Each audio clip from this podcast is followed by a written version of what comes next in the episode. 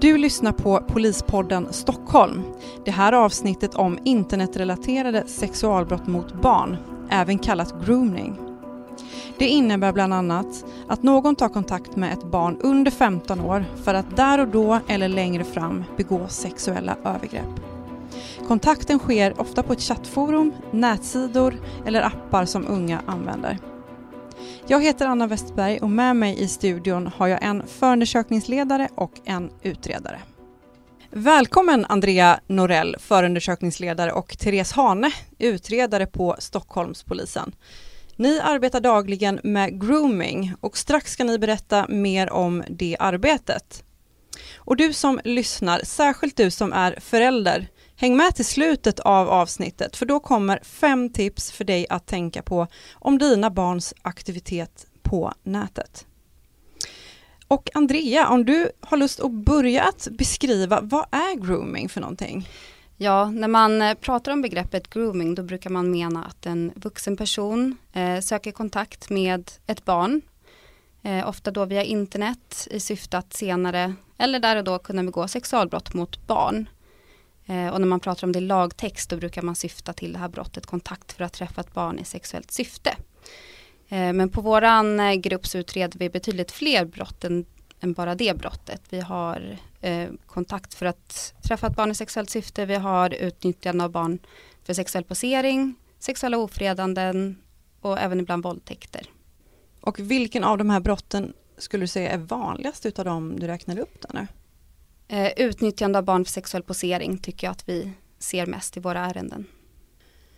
Och hur kan det här gå till då? Nu var, nu var det flera brott du beskrev, men om du generellt kan beskriva de här brotten som ni utreder, hur kan det gå till? Ja men det kan gå till på så vis att en vuxen person får kontakt med ett barn via ett eh, internetforum. Eh, de kanske börjar prata, kanske börjar som en vanlig konversation och så övergår det snabbt till exempelvis bli hot. Man hotar barnet att, att man ska göra illa dem om inte de skickar nakenbilder exempelvis. Och många barn blir då rädda och gör det här. Och det kan även gå till på andra sätt att det inte alls förekommer hot. Att barnet själv kanske går med på att skicka de här bilderna och tycker att det känns okej där och då. Men sen efteråt så känns det inte alls bra. Ja, och Therese, kan du då berätta om vilka är det som drabbas av de här brotten? Vi ser vad ska man säga, alla typer av barn i våra utredningar. Det finns ingen liksom, geografi eller social status eller något sånt som utmärker sig. Det som vi har sett är däremot att barn som kanske redan är utsatta på ett eller annat sätt, ensamma barn, barn som kanske har neuropsykiatriska funktionshinder kan vara mer drabbade. Men det, det är sånt som vi ser i våra utredningar. Men alla typer av barn, det är pojkar, det är flickor, det är tonåringar och väldigt unga barn. Från att barnen börjar kunna skriva på appar och chattar. Mm, ja. Det, så det kan vara ganska unga barn då alltså, som det handlar om? Ja, jag jobbade i ett ärende och då var det ju sjuåriga barn som hade skrivit och där också deras små syskon blev involverade i det här som den misstänkte ville att de skulle utföra. Ja, det är ju bedrövligt. Och du Andrea, när tycker du att man, det är läge att anmäla? När, var går gränsen? Jag tycker att man som vuxen ska anmäla eh, direkt om man får kännedom om att ens barn har blivit kontaktad på internet av en andra vuxen om man misstänker att det kan vara sexuella syften. Eh, sen kan polisen avgöra om det är någonting som går att utreda eller inte. Men alltid anmäla. Och som barn så tycker jag att man ska berätta då för en vuxen så fort det inte känns bra. Så att man inte väntar med det. Ja men precis. Ja. Jag kan tänka att det är viktigt att vi som jobbar med att utreda de här brotten att vi får kunskap, att vi får in en anmälan så snabbt som möjligt. För att liksom, chanserna ökar att liksom, utreda det här brottet eftersom de här brotten de sker på internet, saker sker snabbt på internet och spår kan verkligen eh, snabbt försvinna. Så att så snabbt som möjligt och att man som förälder eller barn inte själv ska värdera eh, om det är ett brott eller inte utan det får vi på polisen göra. Ja men exakt och det gäller ju gällande eh, de flesta brotten just att precis som du säger, det är jättebra att du betonar det, att det anmäls så fort som möjligt. Eh, och eh, Therese, eh, vilka är det då som, som utför de här brotten? När jag skulle börja jobba med den här typen av brottslighet för några år sedan så hade jag ändå en bild av att det är ja, på något sätt fula gubbar som sitter bakom en dator på internet och eh, försöker ta kontakt och bygga upp en relation med barn och sen kanske stämma träff i någon skogsdunge. Väldigt generellt, liksom, hårdraget. Men eh, när man väl börjar jobba med det så ser man ju att de misstänkta, de som begår de här brotten, de är ju i många fall unga. Alltså långt ifrån den här liksom, nidbilden av en gubbe som vill få tag i barn.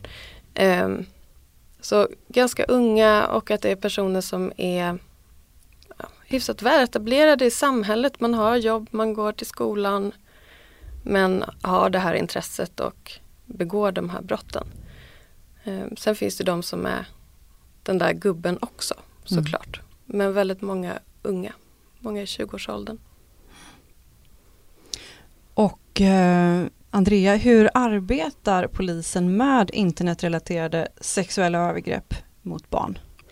Ja, först när en anmälan kommer in till oss så tar vi alltid kontakt med vårdnadshavare, eh, pratar om vad som har hänt, eh, om det är eh, lämpligt då, då, i det fallet. Och så kontaktar vi eh, socialtjänsten och förmedlar kontakter där så att de kan ta tag i den sociala biten och erbjuda stöd och hjälp. Eh, sen så jobbar vi med att identifiera eh, misstänkta. Ofta så finns det ingen identifierad misstänkt i våra ärenden när de inkommer till oss. Så att vi, vi lägger ganska mycket tid på det. Eh, vi håller också förhör med barnen. Så att de får berätta vad det är som har hänt. Eh, det blir deras chans att, och, och berätta helt enkelt. Eh, sen när vi har en misstänkt så åker vi oftast hem till den och genomför husrannsakan eh, tar beslag och så får de följa med in på förhör. Eh, där de får berätta sin version. Sen all den här beslagen som vi tar, det är oftast telefoner, paddor, datorer. Det kommer ju våra IT-forensiker gå igenom. Och förhoppningsvis hitta bevisning som talar för eller emot den här misstänkte då. Ja men tack.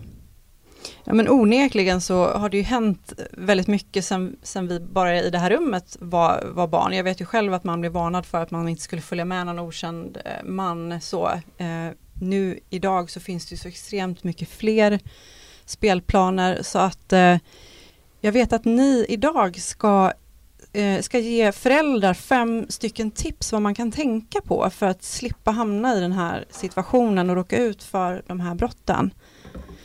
Så eh, jag tänkte att, eh, vill någon av er börja och berätta? Ja, men jag kan börja. Tips? Ja.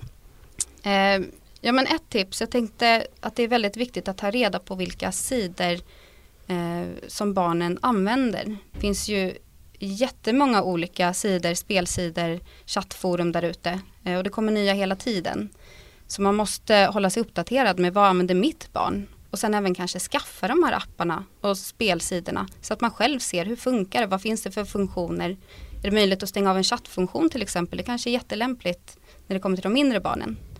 Så att man, man har koll på vad sina barn håller på med. Ja men det låter ju, sen är frågan hur många föräldrar som verkligen gör det. Man hoppas ju att, att folk verkligen lyssnar på till exempel det tipset. För det känns ju väldigt väsentligt. Så. Mm, mm. Absolut. Ja, och eh, Therese, du har också du har tips nummer två.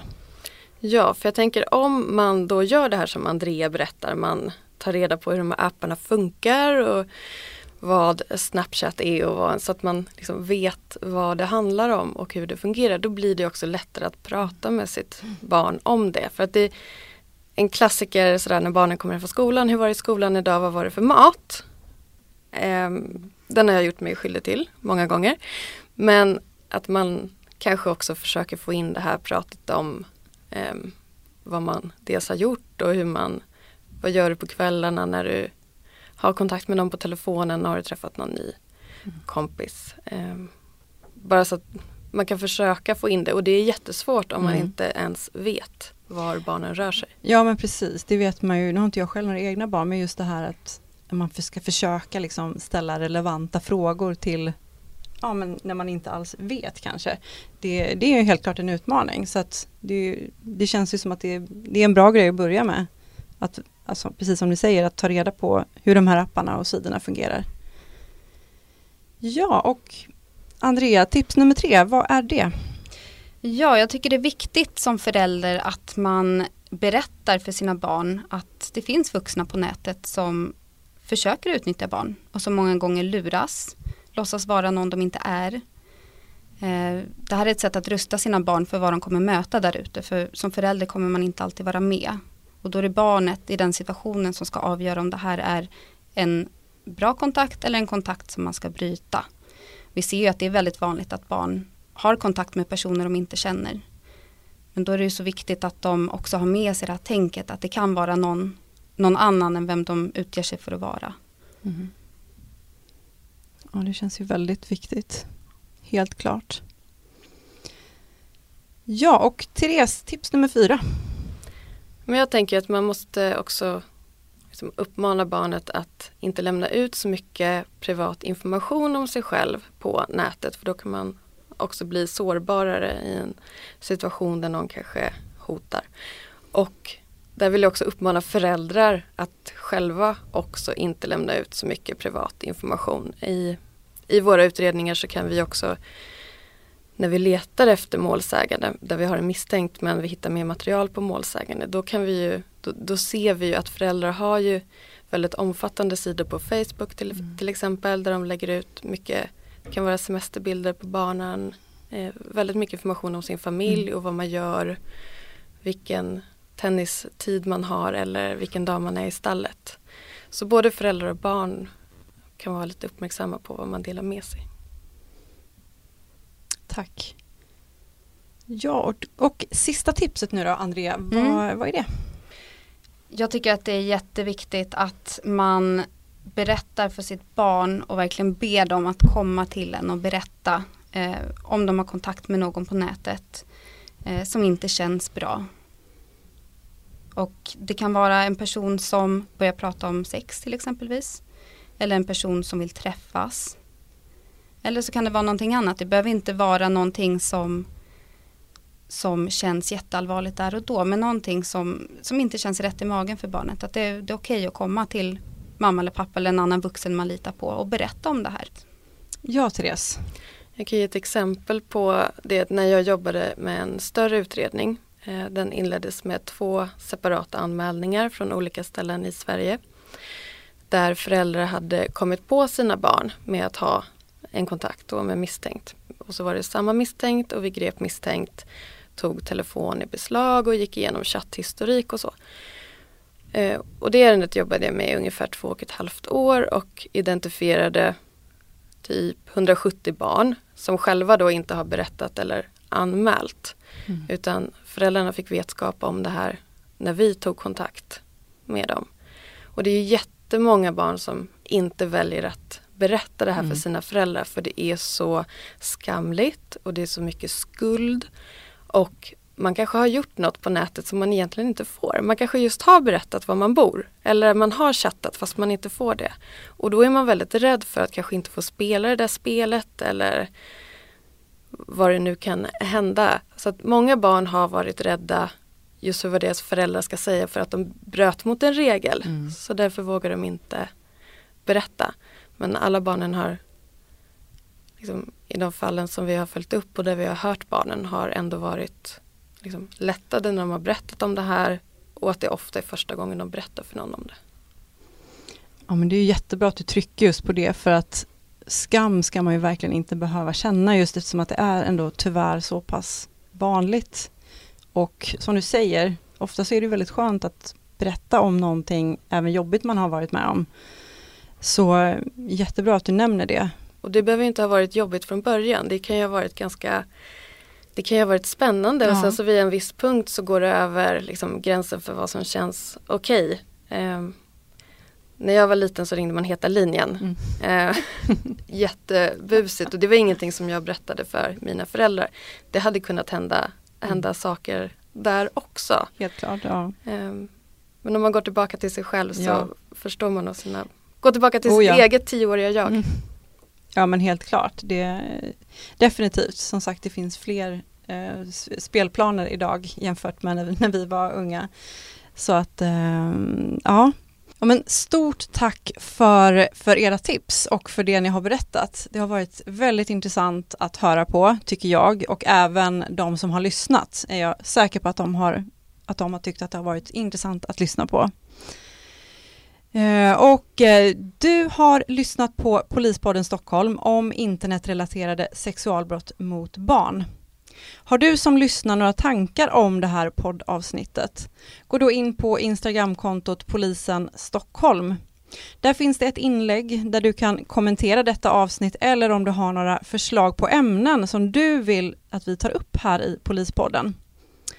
Jag som har intervjuat heter Anna Westberg och med oss i studion har vi haft förundersökningsledare Andrea Norell och utredaren Therese Hane. Tack så mycket för att ni kom hit idag. Tack själv. Tack.